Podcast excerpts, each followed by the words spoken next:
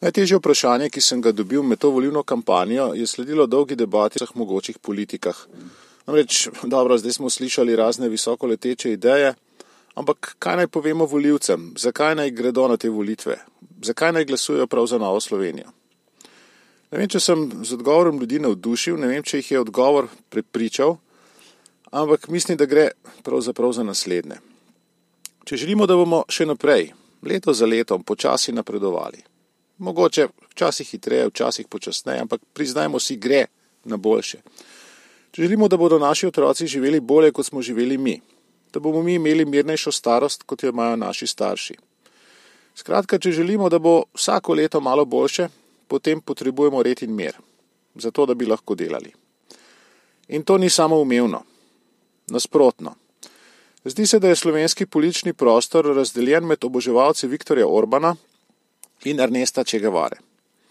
Prvi mislijo, da je edini problem z migracijami, z migranti, Bluten Boden.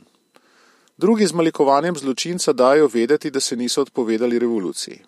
Sliko Čegevare, se sliko Čegevare so paradirali levica, socialni demokrati, pod njo so se slikali celo kandidati stranke Alenke Bratušek. Glas za Novo Slovenijo ni glas ne za Orbana, ne za Čegevaro. Čeprav spoštujemo, da je Orban zavaroval evropske meje, pa njegova demokracija preveč spominja na to, kako so v Sloveniji nekateri z leve ugrabili državo in javne podsisteme. Krščanska vera zavrača pohlep in uči sočutje, zato ni potrebna revolucija. Kar se reda in miru tiče, evropski red in mir ogrožajo ideje, ki se pojavljajo na skrajni levi in na skrajni desni in celo na sredini.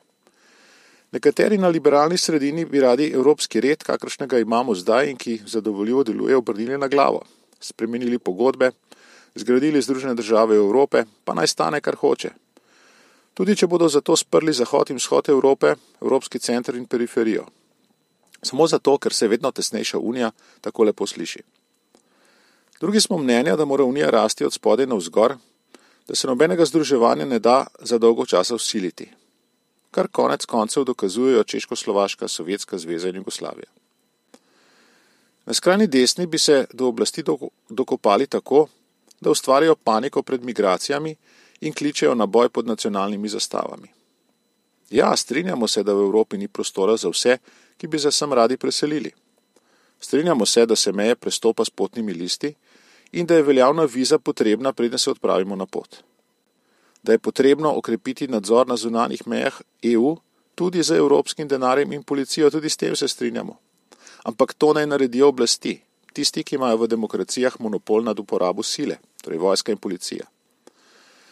Nobene potrebe ni, da med ljudi sejemo mržnjo in sovraštvo. To ni krščansko. Iz besed nekaterih politikov veje odpor ali celo gnus do drugih ljudi, ko jim pravijo izmečki tretjega sveta, podsahalski negroidi ali celo semitske horde, ko migrante primerjajo s psi, ko postane altruizem pa patološki, ko je svet židovska zarota, ko je glas, ki v to židovsko zaroto podvomi holokaustologija. Nobene potrebe ni, da se problem migracij rešuje na ulicah in trgih. Le država oziroma unija naj upravi svojo nalogo. Nekdo pametnejši od mene je rekel, če meja ne bomo zavarovali demokrati, jih bodo fašisti. In ko bo zmanjkalo tako imenovanih negroidov in tako imenovanih semitskih hord, pridemo na vrsto domačini. Ko se enkrat odpre spirala sovraštva, jo je silno težko ustaviti. Desni populizem sovražnika išče pri tujcih, levi ga išče doma, pri bogatih. Levica je ljudi prepričala, da so mogoča brezplačna kosila. Kdor verjame v brezplačna kosila, ga lahko prepričate tudi, da bi Brexit rešil angliško zdravstvo. Ali da se da za 2000 evri na migranta rešiti slovensko socialo. Pa se ne da, ni zastojn kosil, ni čarobnih palic, ni jela brez dela. Levi del političnega prostora pa je prepričan, da se da dobro živeti brez dela ali z manj dela, da je treba denar samo bolj pravično razdeliti, da bi morali imeti vse tisoč evrov plače ali pokojnine, ali da bi imeli vsi v EU isto minimalno plačo ali vsaj določeno na enak način. Najnižja plača, da bi morala biti 20% više od življenjskih stroškov. Pri tem pozabijo, da so v življenjske stroške vključene tudi plače. Plače učiteljev, policajev, zdravnikov, delavcev, trgovcev. Če jim dvignemo plače, se bodo dvignili tudi življenjski stroški. In tako naprej v spiralo inflacije, ki se jo dobro spominjamo iz Jugoslavije. Ampak ni pa nemogoče, da se plače dvignejo. Niti ni nemogoče, da je minimalna plača 20% nad življenjskimi stroški. Ampak da bi imeli več denarja, da bi imeli večje plače, je treba več narediti. In to verjamemo v Novi Sloveniji, da moramo biti v Evropi bolj produktivni. Rast produktivnosti zahteva raziskave, razvoj in inovacije. In zahteva podjetnost.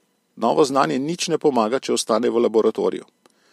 Dilema ali ljudje ali kapital je lažna, potrebujemo ljudi, ki vedo, kam vložiti kapital, torej prihranke, tudi sredstva skladov, iz katerih se plačujejo pokojnine, da se bo čim bolje obrestoval.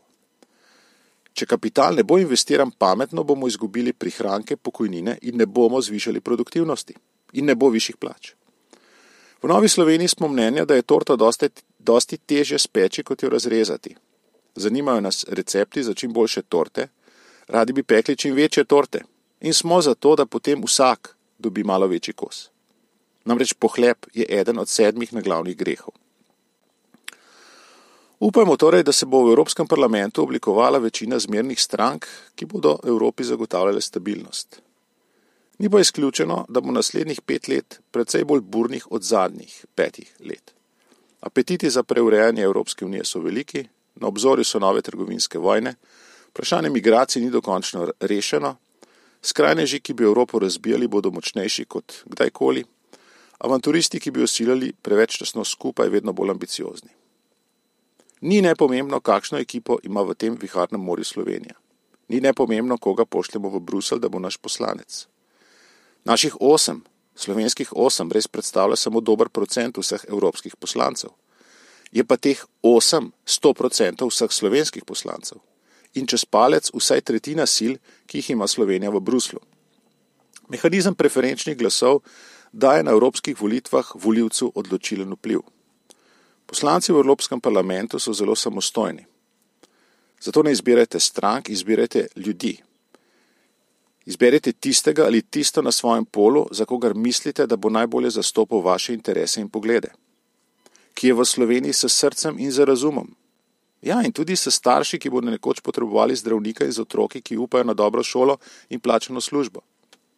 Ko se izbira osem ljudi in bosta največ dva iz iste stranke, to ni strankarska tekma. Predvsem pa tole, pojdite na volitve. Če tiha večina ne bo izbrala zmernih in konstruktivnih, bo jezna manjšina na levi in desni izbrala skrajneže. In ne bo reda in miru, da bi lahko delali in da bi nam šlo malo boljše. thank you